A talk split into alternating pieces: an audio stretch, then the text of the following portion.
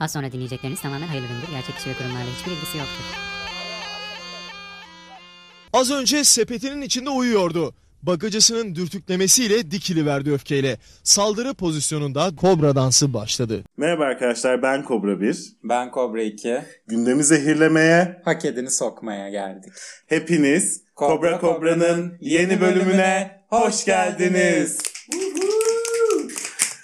Hoş geldik Kobra Bircim. Ben pek hoş gelmedim Kobra 2'cim. Ee, benim neden telefonda senin neden mikrofon karşısında sesinin billur gibi olduğunu açıklar mısın yavru kobralarımıza?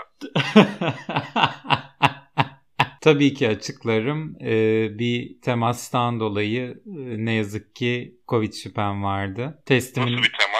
bir arkadaşım pozitif çıktı. İki gün önce görüşmüştük. Testim negatif çıktı ama yine de 7 günlük zorunlu karantinamız var. Bunu da Kobra bir riske atmamak adına görüşmeyelim. Telefondan yapalım kararı aldık. Nasıl yaptırdın peki bu testi? Bir devlet hastanesinde yaptırdım. Fakat 305 TL karşılığında yaptırdım. Gerekçe olarak da sigortamın olmaması gösterildi. Yavru kobralara da buradan bir kez daha uyarı yapmak isterim açıkçası. Eğer paranız yoksa, sigortanız yoksa evinizden dışarı Korona çıkmayın. olmayın. Korona olmayın. Vay halinize çünkü. Ee, şimdi şöyle bir şey var aslında.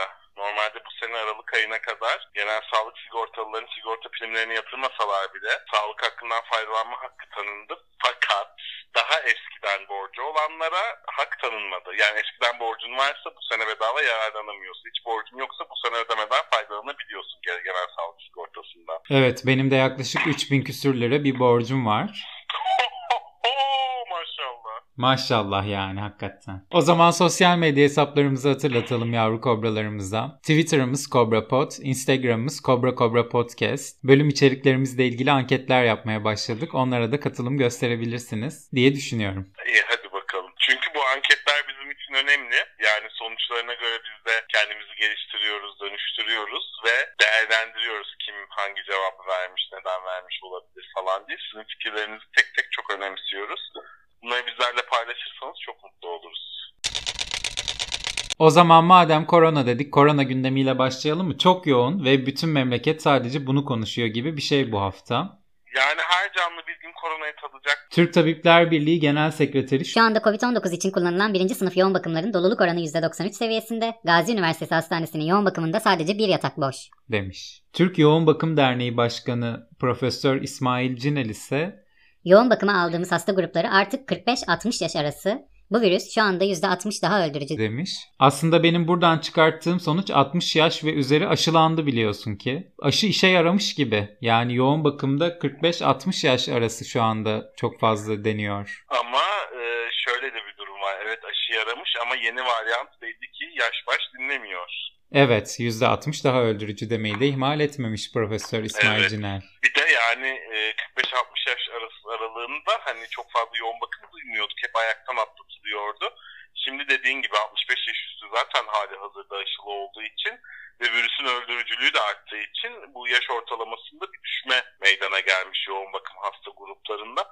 Vallahi geçmiş olsun diyorum Kobra 2'cim. Ee, herkes önümüzdeki pazartesi günü yani ya, yani bu bölüm yayınlandıktan bir gün sonra sokağa çıkma yasağı, tam kapanma ilan edeceğini iddia ediliyor. Böyle bir spekülasyon çok dolaşıyor her yerde, bütün sosyal medyalarda. O yüzden bilmiyorum yani hani bunun çözümü artık tam kapanma mı, tam kapanma olsa da bu çözülecek mi? Hani ipin ucu bir kere kaçtı mı diye düşünüyorum açıkçası. Yani ben tam kapanma e, hiçbir şekilde öngörmüyorum açıkçası. Ya bana da yapmazlarmış gibi geliyor ama mecbur da kalınıyor mu acaba? Yani yapılır yapılması demek artık mecbur kalındı demek bana kalırsa ben öyle düşünüyorum yani. Ve herkese de parasını vermek demek bir yandan da. Yok ya kimseye bir şeyin parasını vermezler. İşte bu noktada zaten bir tereddüt yaratıyor. Bir de şu çok tereddüt yaratıyor. Artık e, turizm sezonumuz açıldı biliyorsun ki yurt dışından aşılarını olmuş turistlerimiz yaklaşık bizim paramızın 8-9 katı değerindeki e, paralarını ceplerine doldurup ülkemize biliyorsun döviz getirmeye de geliyorlar. Tam kapanma demek yurdun sınırlarını da kapatman demek. Yani dışarıdan girişleri de kapatman demek. Böyle bir şeyin de yapılabileceğini ben çok inandırıcı gelmiyor. Ama gerçekten böyle bir spekülasyon çok yaygın bir şekilde yürüyor. Özellikle Ramazan ayı tamamen kapalı olacak her yer falan diye. Evet evet onu ben de duyuyorum ama Almanya kırmızı ülkeler kategorisine almış Türkiye'yi. Gitmeniz riskli diyor. E riskli. Şimdi ben iki haftadır buradayım ve üç kere falan sokağa çıktım sadece. O da mecburiyetten. Kafelerde insanlar ne maske ne bir şey. Sokağın kenarında kaldırımın üstünde falan yemek yiyor kahve içiyor kakır kakır gülüyorlar tükürük saçıyorlar birbirlerine. Hiç gerçekten anlam veremedim yani bu duruma ben. Şimdi tabii esnaf için gerçekten üzücü ama en azından bari onların kapanması ben birazcık vakalar üzerinde etkili olacaktır diye düşünüyorum açıkçası. O konuda sana Ben de katılıyorum. Ramazan'da zaten kapatılacaklardır hiç merak etme diye düşünüyorum. Kapatılıyor zaten. Kafe mafe yok Ramazan'da. Şimdi o zaman şunu da belirtelim. Normalleşmenin başladığı 1 Mart tarihinden itibaren 700 bin kişi pozitif olmuş. Senin bu bahsettiğin kafeler, altı üstü, kongreler bilmem neler hepsi bir arada. aslında 700 bin pozitif vaka demek. Biliyorsun bizim toplumumuzda toplumun yapı taşı birey değil aile olduğu için ufak bir aile üzerinden hesaplama yaparsan 2 milyon 2 milyon 800. 100 bin kişi evet yani veya 2 milyonun üstünde kişi demek yani. Tabii. Temaslısıydı, o suydu, bu suydu, şu suydu derken Tabii. 2 milyonu geçiyor. Şimdi bu benim test mevzum hazır e, söylemişken bu mevzuyu bir de İngiltere'ye gitmek istedim. İngiltere'de isteyen herkes hiçbir gerekçe belirtmeksizin haftada iki kez Covid-19 testi olabilecekmiş hayatım. Kraliçe müjdeyi vermiş. Ee, ama bizim şeyimiz e, sağlık sistemimiz daha iyi. Tabii. Bizim sağlık Dünyadaki en iyi sağlık sistemi bizde hatta. O yüzden böyle haftada iki kere Covid testi bilmem ne geç bunları yani. Biz dünyanın en iyi sağlık sistemine sahip ülkesiyiz. Hazır İngiltere demişken de eniştem ölmüş duydun mu? Evet ya bir başsağlığı dileyelim buradan bütün Evet. İngiltere'ye istersen. İngiltere Kraliçesi 2. Elizabeth'in eşi Prens Philip hayatta gözlerini yummuş. Enişteciğime nazar da değdi bana kalırsa. Çünkü e, Twitter'da biliyorsun çok geyiği yapılmıştı. Bütün her fotoğraflara bu bir tane böyle ceset gibi göründüğü bir fotoğraf Evet, var. evet. Onu, evet yapıştırıyorlardı. Valla Allah rahmet eylesin. Bu arada beyefendi 100 yaşında ölmüş. 100. yaşına 2 ay kala vefat etmiş beyefendi. Allah rahmet eylesin. Helal olsun diyorum. Nasıl bir yaşama azmi. Yani Kraliçesi'nin eşi olsan sen de 100 yaşına kadar yaşardın diye düşünüyorum. AKP kongresine katıldıktan sonra Covid-19 nedeniyle hayatını kaybeden Bülent Aydoğdu'nun kongre paylaşımı ortaya çıkmış Kongrede bizi melekler koruyor. demiş. Meleklerin koruması bittikten sonra bulaşmış o zaman Covid beyefendiye. Ee, hiçbir fikrim yok ama bu 38 kişi pozitif oldu ve Erdoğan'ın talimatıyla artık korona olduğunuzu söylemeyin dendi demiştik ya. Bu 38'in içerisinde beyefendi. Başsağlığı dileyelim ne diyelim. Eylesin diyelim beyefendiye. Allah rahmet eylesin diyelim. Ee, teravih namazları da iptal edilmiş bu arada. Geçen haftaki bölümümüzde söylemiştik. Sokağa çıkılmayacak ama teraviye gidebilirsiniz diye. Artık ona da gidemiyorsunuz. Senin dediğin gibi evlerde kılınması için karar çıkmış. Bu konularda karar değil fetva genelde tercih ediliyor usul olarak. Sayın Diyanet İşleri Başkanımız Ali Erbaş evlerde kılınmasına uygun gördük demiş. Tamam. Hazır Ali Erbaş demişken o zaman e, beyefendinin öğrencilerine de dahiyane bir e, tavsiyesi olmuş. İlahiyat Fakültesinden dersler seçin, fıkıh okuyun bu bir fırsattır demiş. Haklı. Bence de haklı. Tıp öğrencilerine daha iyi bir tavsiye ben açıkçası düşündüm düşündüm bulamadım. Şimdi şöyle bir şey var. Gerçekten çok yönlü olmak istiyorsa bir tıp öğrencisi fıkıh da tabii ki tercih edebileceği derslerden olabilir. İnsanlık tarihi, ondan sonra ne bileyim genel bir psikoloji, genel bir işte hukuk, genel bir sosyoloji eğitiminin yanı sıra fıkıh da bunların arasında tercih edilebilir bir ders gibi görünüyor gerçekten. E, Benim tanıdığım bütün tıpçılar bu arada hepsi sanata, müziğe, tiyatroya, diziye, filme e, ekstra meraklı tipler oluyordu. Hiç e, ilahiyat fakültesinden ders seçen bir tıpçıyla karşılaşmadım bugüne kadar. Ben karşılaştım şimdi bana eski defterleri açtırma.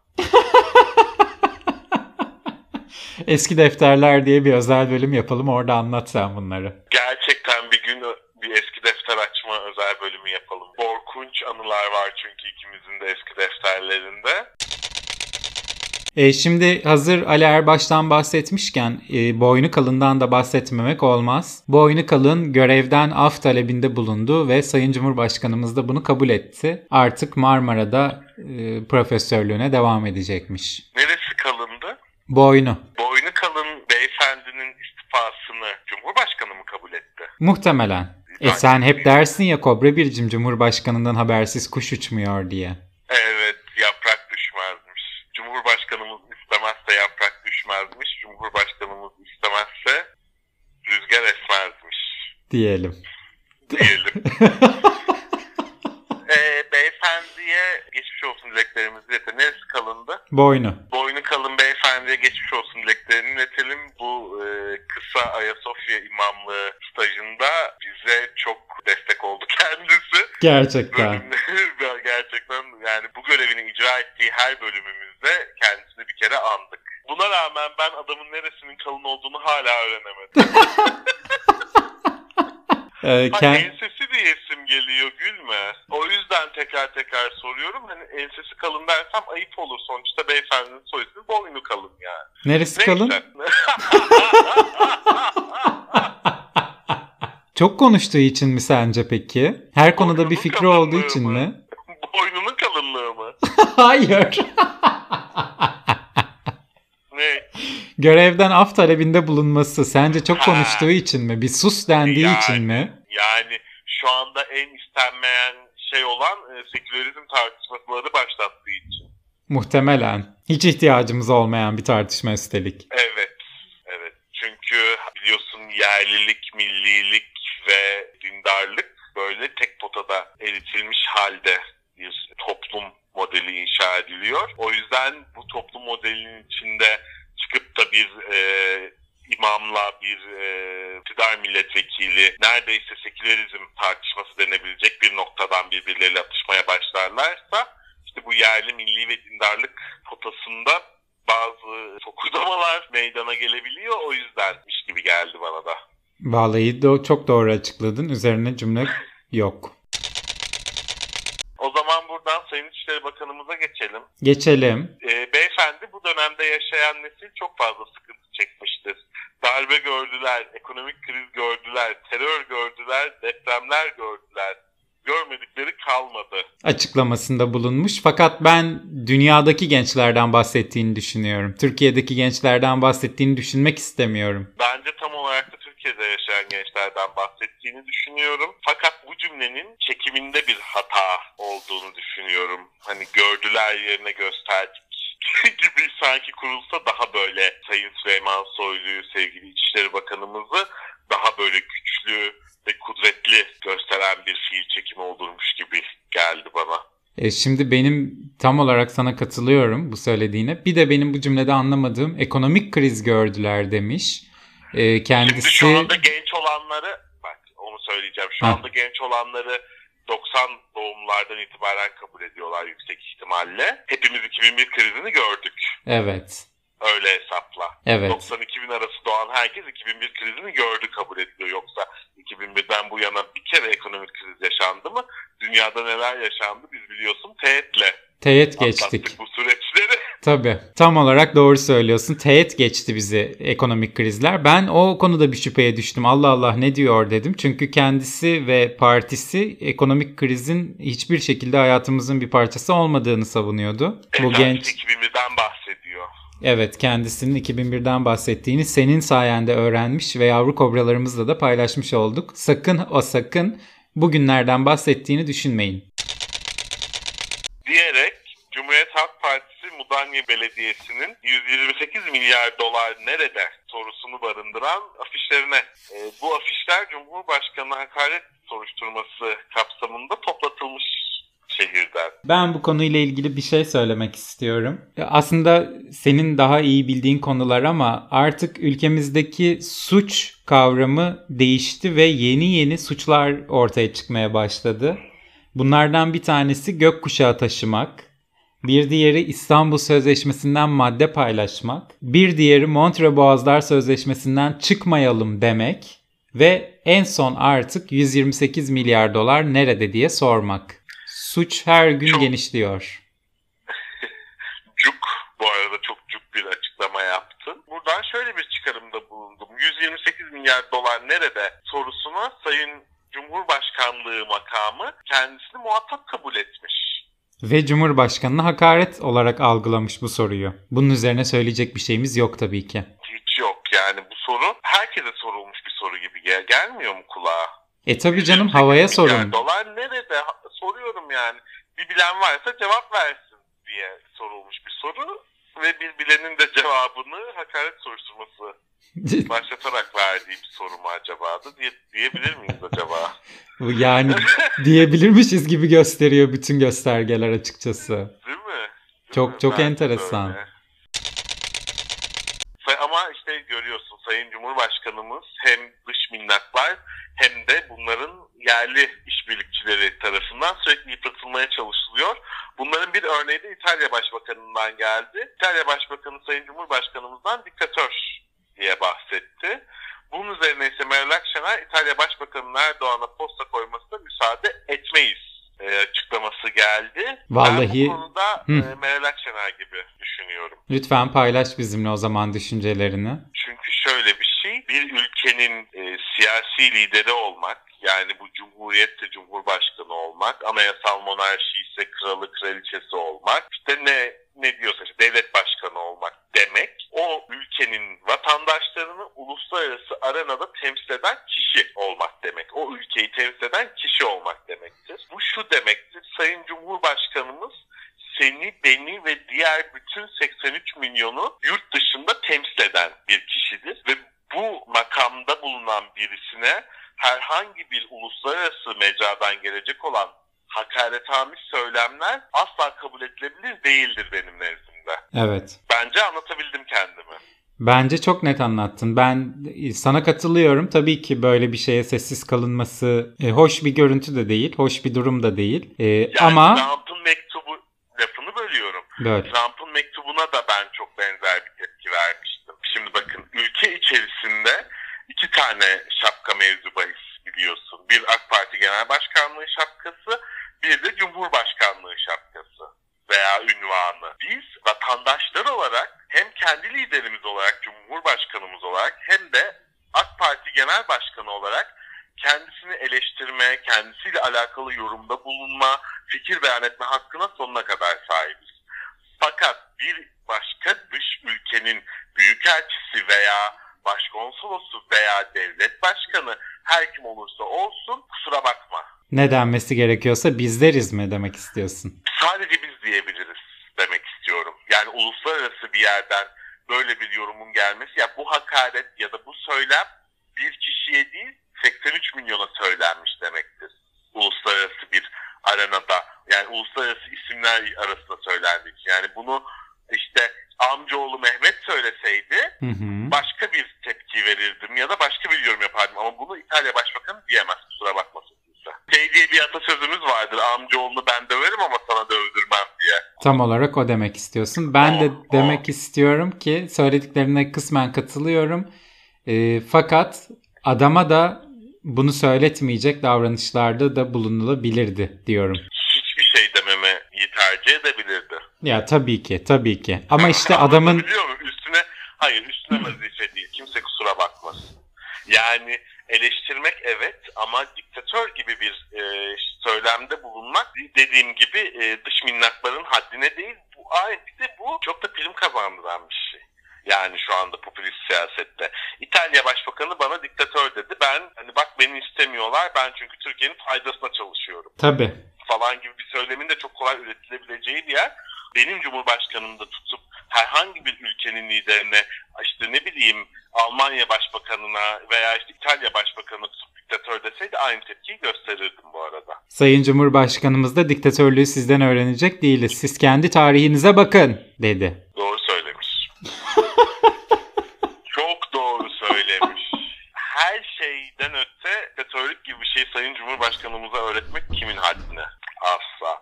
Cumhurbaşkanımız her konuda herkesten mutlaka bir adım öndedir benim gözümde. Benim gözümde de. Yani hele bazı spesifik konularda ondan daha iyi kimsenin bir şeyleri bildiğini düşünmüyorum. Evet. Şimdi istersen şu bütün kocaman bir hafta boyunca gündemimizi kaplayan emekli amiral bildirisine, Montre Boğazlar Sözleşmesi'ne bir gidelim. Bunun uyarısını yapmıştık. Uluslararası sözleşmelerden çekilme tartışmaya açmak. Yarın Lozan'dan çekildim, öbür gün Montreux'dan çekildiğimin de önünü açmaktır uyarısını. İki bölüm mü, üç bölüm önce yapmıştık diye hatırlıyorum. İki bölüm önce falan yapmıştık galiba. Evet. 104 emekli amiral Montre Boğazlar Sözleşmesi'nden çıkılmaması için bir bildiri yayınladılar ve yer yerinden oynadı. Şimdi emekli amirallerin bildirisini muhtemelen herkesler okumuştur zaten ve genel olarak Montre'den çıkamayız. Bu bize şöyle şöyle haklar sağlıyor. Ee, çıkmazsak çok seviniriz minvalinde bir bildiriydi. Bu Montre'nin önemli maddelerini sen paylaş istiyorum. Montreux Boğazlar Sözleşmesi Lozan'la ek olarak yapılmış ve Türkiye'deki e, İstanbul Boğazı ve Çanakkale Boğazı'ndan gemi geçişlerini e, şey yapan, denetleyen ve bunu düzenleyen bir sözleşme. Uluslararası bir sözleşme. Şöyle bir önemi var. Yani önemli maddelerinden ziyade. Boğazlar üzerinde Türkiye'ye tam hakimiyet sağlama gibi bir özelliği var. Şunu da ben eklemek istiyorum. Şu anda Karadeniz'de Amerika'nın iki tane savaş gemisi var biliyorsun ki ve bunlar buraya Türkiye'nin izni dahilinde geldiler Evet. ve sadece 15 gün kalabilecekler. Bunu da bize sağlayan bu sözleşme. Yani, Yani barış durumunda dahi boğazlardan geçecek savaş gemilerine Türkiye'nin izni olmak mecburiyetinde tabii. Yani şimdi ticaret gemileriyle ilgili bir para mevzusu var Montre Boğazlar Sözleşmesi'nde. Esas problem çıkaran yer orası. tabii Frank altın üzerinden bir e, anlaşmaya varılıyor. Fakat o dönemden bu döneme ne frank altını geldik euroya yani. Ve orada böyle bir çok gerçekten şu anda artık haksızlık denebilecek bir kur farkı mevzu bahis. O yüzden böyle işte bunu, bunu değiştiririz, şöyle yaparız falan deniyor. İşte Bunu değiştirmek için çok gerçekten kuvvetli bir ekonomiye, kuvvetli bir üretim sistemine, kuvvetli bir eğitim sistemine, kuvvetli bir adalet sistemine ihtiyaç var. kesinlikle. Bunlar şu anda yok demiyorum. Hani bunlar varsa buyurulunsun diyorum yani açıkça. Buyurulsun Montre tartışmaya açılsın yani. Eğer bundan daha karlı çıkabileceksek. Emekli amirallerimiz çıkamayacağımızı düşünmüşler ki böyle bir sözleşme yayınlamışlar. Bu Tabii asker dendiği an artık herkesin aklına darbe geldiği için Fahrettin altından haddini bilin Mustafa Şentop'tansa darbe çağrışımı açıklamaları geldi. Cumhurbaşkanı Yardımcısı Fuat Oktay'dan da Millet iradesini ve Recep Tayyip Erdoğan'ın dik duruşunu hazmedemeyen darbe sevicileri demokratik kurumlara ve seçilmişlere ayar verme hassizliğinde bulunmuşlar. şeklinde bir açıklama yapmış. En sert tepki tabii ki Bahçeli'den Emekli maaşları kesilsin, apoletleri sökülsün, hapse atılsınlar. demiş. Yani Bahçeli bu aralar çok sert, çok sinirli, çok agresif. Gerçekten neyin içinde kendisi bilmiyorum. Kendisine birazcık sakinleşmesini temenni ediyorum yani. İyi değil çünkü bu kadar sinir. Evet evet. Kartoneti daha e, sıcak ve samimi görünüyor artık yani. Hem de sıcak ekmek almış eve gelen bir Evet. dede samimiyetinde. evet, evet. Ayrıca devletin bütün kurum ve kuruluşları da darbenin karşısındayız, hükümetimizin yanındayız mesajı yayınladılar. Ki bence bu da çok enteresandı bir anlık bir talimatla. Ama daha da enteresan olanı bence hükümetin gazetelerinde ki Hürriyet, Sabah aynı manşeti attılar. Bu çok ilginç ve ilk kez oluyor Hürriyet ve Sabah'ın aynı manşeti attığı. Sabah akşam takvim neyse. Bu bazı emekli amirallerin ev adreslerinden kızlarından, halalarından, dayılarından hangilerinin CHP'li olduklarını teker teker yayınlamışlar. Artık insan fişlemek gibi yani. E biz bunu türben kararı veren Danıştay üyeleri versiyonunu gör, izlemiştik biliyorsun. Hatırlıyor musun? Hatırlıyorum. Hı. O yüzden e, çok farklı gelmedi bana bu durum. Bana da Birbirlerini gelmedi. çok andıran, çok birbirlerini andıran, çok böyle e, yerli ve milli basın kokuları gelen haberler yani bunlar. Ee, bu olay bize hürriyetin de kendini nereye ve nasıl konumlandırdığını artık şüphe götürmez bir biçimde ortaya koydu bence. E şimdiye kadar şüphen mi vardı nereye konumlandığıyla alakalı? Ee, şüphem yoktu ama yüzde yüzde diyemezdik. En azından artık sabahla aynı manşeti atınca bence yüzde yüz oldu yani. Ya bu arada aklı başında minimum hayatı boyunca en az 10 kitap okumuş falan böyle gündem takip eden birine sorsan hiçbirisi biz darbenin yanındayız demez bu memlekette yani. Bu arada hiçbirimiz de darbe istemiyoruz. Askeri yönetim nedir ya? 21. yüzyıldayız artık. E, herhalde tabii ki canım hiç kimsenin isteyebileceği, onay verebileceği bir şey değil zaten bu. Yani dünyada hiçbir tane ha bu da iyi oldu diyebileceğin örneği olmayan bir şey yani askeri yönetim dediğim bir şey. Bir de yani darbe yapacak olan adam gece 12'de 103 tane emekli 70 yaşın üzerinde Yani. adam bildirimi yayınlar Allah aşkına. Tam olarak senin dediğin bu şu anda ekonomi konuşmamız gerekirken neler konuşuyoruz diyorsun ya sen hep. Tam olarak yine oraya işaret ediyor. Böyle bir sarılındı yani bu mevzuya hükümet tarafından. Bu mevzu Kanal İstanbul'u da besleyen bir mevzu olduğu için uzun bir süre sarınılacak gibi geliyor bana. Bana da öyle.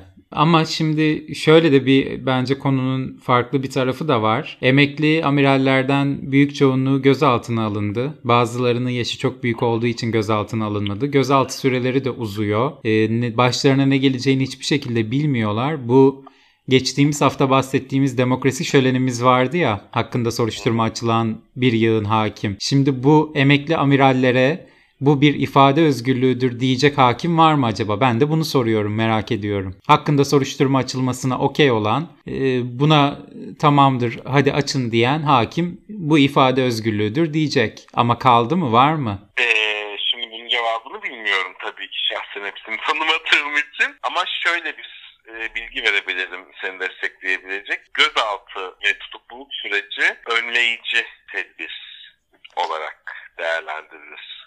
Hukukta. Yani bir ceza yöntemi değildir. E, tutuklu yargılamak veya gözaltına almak. Fakat şu andaki uygulamada, pratikte öyle değilmiş gibi hissettiren bazı durumlar mevzu bahis oluyor. Ama işte şunu aslında göz ardı etmemek lazım. Bu 104 kişinin bir kısmı gözaltına alınamayacak yaşta ve durumda. Evet. Yani geri kalanını göz altında tutsan ne kadar tehlikeli olur, tutmasan ne kadar tehlikeli olur. Yani ifade özgürlüğünden ziyade göz altında bulunup bulunmaması aslında hani dışarıda olmasının tehlike yaratıp yaratmamasından değerlendirilerek bakılması gereken bir şey. O yüzden bilmiyorum yani bu insanlar neden göz altında tutuluyor benim de merak ettiğim bir konu gerçekten. Ben de sorumu Bahçeli'nin derhal hapse atılmalılar, e, kahrolasıcalar falan gibi söylemleri üzerine sordum. Evet bazı kişiler bu amirallerin hapse atılmasını istiyor. Diyelim ki bu gözaltıların sonucunda bu insanlar mahkemeye çıktılar. Darbe girişimi yapmak suçuyla yargılanacaklar. Ama bu ifade özgürlüğüdür, burada bir darbe girişimi yoktur diyecek hakim var mı? Bunu merak ettim. Vallahi onun cevabını Devlet Bahçeli'ye arar sorarsın. Çok merak ediyorum. Meral Akşener de bu e, bildiriye zevzeklik ifadesini kullandı. Amiraller de bu ifadeye karşı dava açmaya hazırlanıyorlarmış. Kolay gelsin diyelim onlara da. Yani Me- Meral Hanım da ne bileyim neden böyle bir şey söylemiş ki? Vallahi sen de onu ara sor istiyorsan.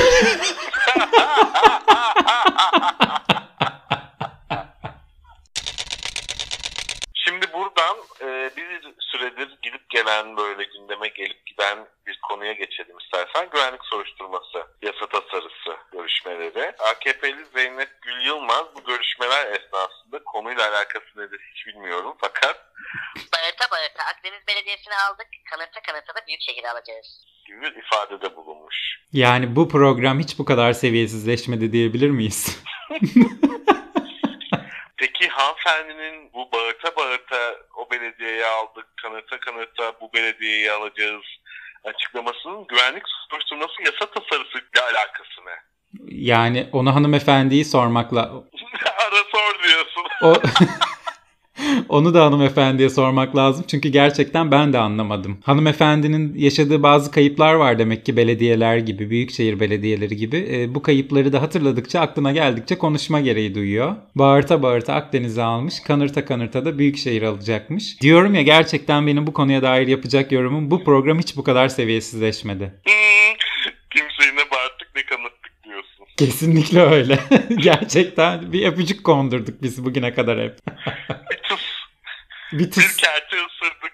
Yani bir tık küçük zehirledik böyle tıs yaptık geçtik yani ama ben bu üslubu bir de mecliste böyle bir üslubu e, gerçekten hiç bilemiyorum açıkçası. Vallahi geçmiş olsun diyelim o zaman. Geçmiş olsun diyelim. Umarım nereyi istiyorsa orayı alır diyelim mi bir de? Bence istediği yeri bağırtır, istediği yeri kanıtır inşallah hanımefendi istediği gibi gönlünce.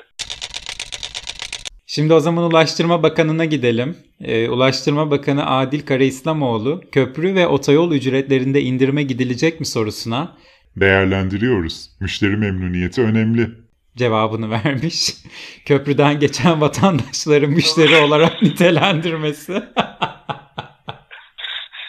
Bir, bir Ulaştırma Bakanı'nın vatandaşa bakış açısını göz önüne seren bir durum. yani Ulaştırma bakmayanı ol diyoruz sonra biz burada suçlu Ulaştırma oluyoruz. Bakanı'nın, Ulaştırma Bakanı'nın vatandaşa nasıl baktığının gözlerine serilmesi diyelim bence. Bence de öyle diyelim ama bakmayan deyince de biz suçlu olmayalım artık yani. İşte beyefendi Ulaştırma Bakanlığı'ndan ziyade o bakanlığın getirdiği gelirlere bakmayı tercih etmiş de diyebiliriz bence. Bence de Çünkü öyle bir yere baktığı kesin yani. Evet. Bakmayan demeyelim o yüzden. Belli bir konuyla ilgilendiği o konuya baktığı kesin doğru söylüyorsun. Evet, ilgisini çeken bazı mevzular olduğu ve o konuda beyefendinin de belirli bakışları olduğu belli. Bu nereden belli? Dediğim gibi köprüden otoyoldan geçen insanları müşteri olarak nitelendiriyor kendisi. Halbuki bu köprüler ve otobanlar olayında ben kendimi müşteri olarak değil daha ziyade ortak olarak görüyorum. Çünkü neredeyse ben oturduğum yerden hepsinin parasını yine ben ödüyorum yani. E tabi geçmediğimiz halde hepsine yine en çok parayı biz veriyoruz. Evet. O yüzden bence Ulaştırma Bakanımız bizi müşteri değil, ortak olarak görmeli diyormuş. Evet. Şimdi bu resmi gazetede cuma gecesi yayınlanan bir karar var. Bir öğrencinin yurtta barınması için Cumhurbaşkanına hakaret suçundan mahkum olmamak şartı aranacak. Haberin detaylarına girecek olursam da kasten işlenen bir suçtan dolayı 6 ay veya daha fazla süreyle hapis cezasına ya da affa uğramış olsa bile devletin güvenliğine karşı suçlar, Cumhurbaşkanına hakaret, devletin egemenlik alametlerini aşağılama, devletin kurum ve organlarını aşağılama, cinsel dokunulmazlığa karşı suçlar, hayasızca hareketler gibi suçlardan mahkum olmaması, terör örgütlerinin eylemlerine katıldığı tespit edilenlerin devam etmekte oldukları öğrenim kurumundan bir aydan fazla uzaklaştırma cezası almış olanların yurtlarla ilişkileri kesilecekmiş artık. Ee, Cumhurbaşkanına hakaret, devletin egemenlik alametlerini aşağılamak, devletin güvenliğine karşı suçlarla aynı seviyede yer alıyor artık Veya cinsel suçlarla. Veya cinsel suçlarla. Hepsini de geçiyorum. Bu kararın nerelere bizi götürebileceği zaten kendi içerisinde çok açık geldi bana. Evet. Hatta çıkış noktası olarak Boğaziçi'lileri düşünmüş olabileceklerini düşündüm. Çünkü gökkuşağı taşımak e, devletin bütünlüğüne karşı işlenen büyük bir suç biliyorsun ki. Geçmiş olsun arkadaşlarımıza ne diyelim. Hisar üstünde evi olanlar biliyorsun göbek atıyor şu anda. Hisar üstünde kiralar iki katı oldu biliyorsun sabahında. Kararın sabahında. Yani muhtemelen ama biraz yorumla bunu hukuksal açıdan. Yani sen şey köyle yatan gibi biraz şaşı kalkmış durumu mevzu bahis olmuş sende. Bu suçların hepsi aynı kefeye konmuş ve eğitim gibi bir anayasal haktan doğan bir barınma hakkını ki bu da yine anayasadan doğan bir temel insan hakkı ve birbirleriyle bağlantılı hale gelmiş durumunu yurttan bahsediyoruz yani. Böyle bir eleme üzerinden değerlendirmek çok tehlikeli tabii ki senin de dediğin gibi. E kaldı ki şimdi e, Cumhurbaşkanına hakaret suçunun e, kapsamının da o zaman belirlenmesi gerekiyor. Yani 128 milyar nerede demek de Cumhurbaşkanına hakaret. Zıplayarak slogan atmak da Cumhurbaşkanına hakaret. Şimdi o zaman slogan atırken zıplamak daha doğrusu. ha slogan atılırken zıplamak da Cumhurbaşkanına hakaret. O zaman şimdi şunlar Cumhurbaşkanına hakarettir gibi bir liste yayınlamanız gerekiyor resmi gazetede bu gece. Yani aslında bunlar e, böyle tek tek spesifik olarak sayılmaz hukukta bir şeyi vardır, kapsamı vardır. Ve bunun içerisinde aslında değerlendirilmesi gerekiyordur. E, Cumhurbaşkanlığına hakaret suçu Türk Ceza Kanunu 299.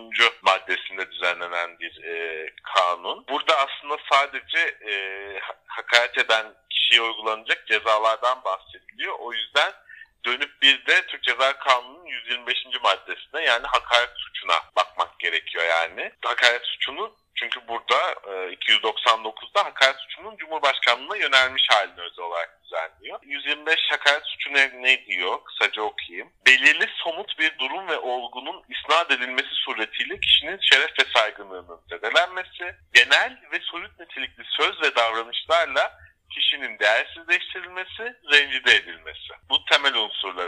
cinayet suçunun belirli bir somut ve durum ve olgunun isnat edilmesi. Demek şöyle bir şey.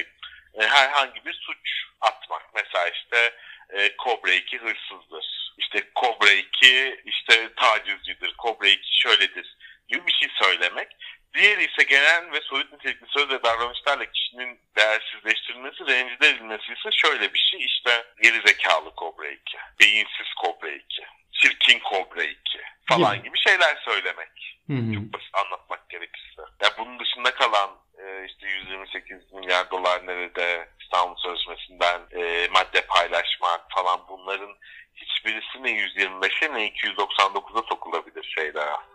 E tabi hiçbiri konuşmaya yani bu Cumhurbaşkanlığı bilmem sayılsın falan diyorsun orada bunun üstüne konuşmaya bile gerek yok yani. Kimse hiçbir şey saymasın ve her gün yeni bir sürprize uyanalım. Ben bu durumda alıştım artık. Sen alışamadın mı? E, ben de alıştım da alışmak istemiyorum diyelim. Alışmak sevmekten daha zor geliyor.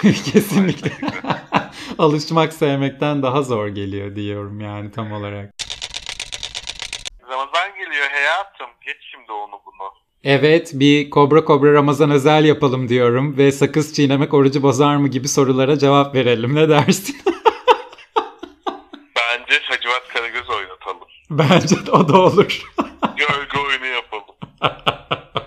Ben daha böyle Ramazan özelinde daha geleneksel bir yerden düşündüm. Sen daha e, yeni Türkiye konseptine uygun bir içerik düşünmüşsün. O zaman Ramazan demişken Ramazan ayında sofraların vazgeçilmezi olduğu iddia edilen pastırma ve sucuğa zam yapılmayacağı müjdelenmiş. Ya, ha, ben pastırma üstünden vazgeçeli o kadar uzun süre oldu ki. Bizim sofra çok uzun zaman önce pastırma ve sucuktan vazgeçti yani. Benim de öyle. Ben vegan oldum zorunluluktan. Sen veganız artık. Artık hepimiz zorunlu veganız yani. Yani pastırma ve sucuğa zam yapılmayacakmış. Okey ama artık pastırma ve sucuk sofralarımızın vazgeçilmezi değil ne yazık ki. Biz vazgeçeli çok oldu. O zaman şimdi Cumhurbaşkanlığı köşesine gidelim mi?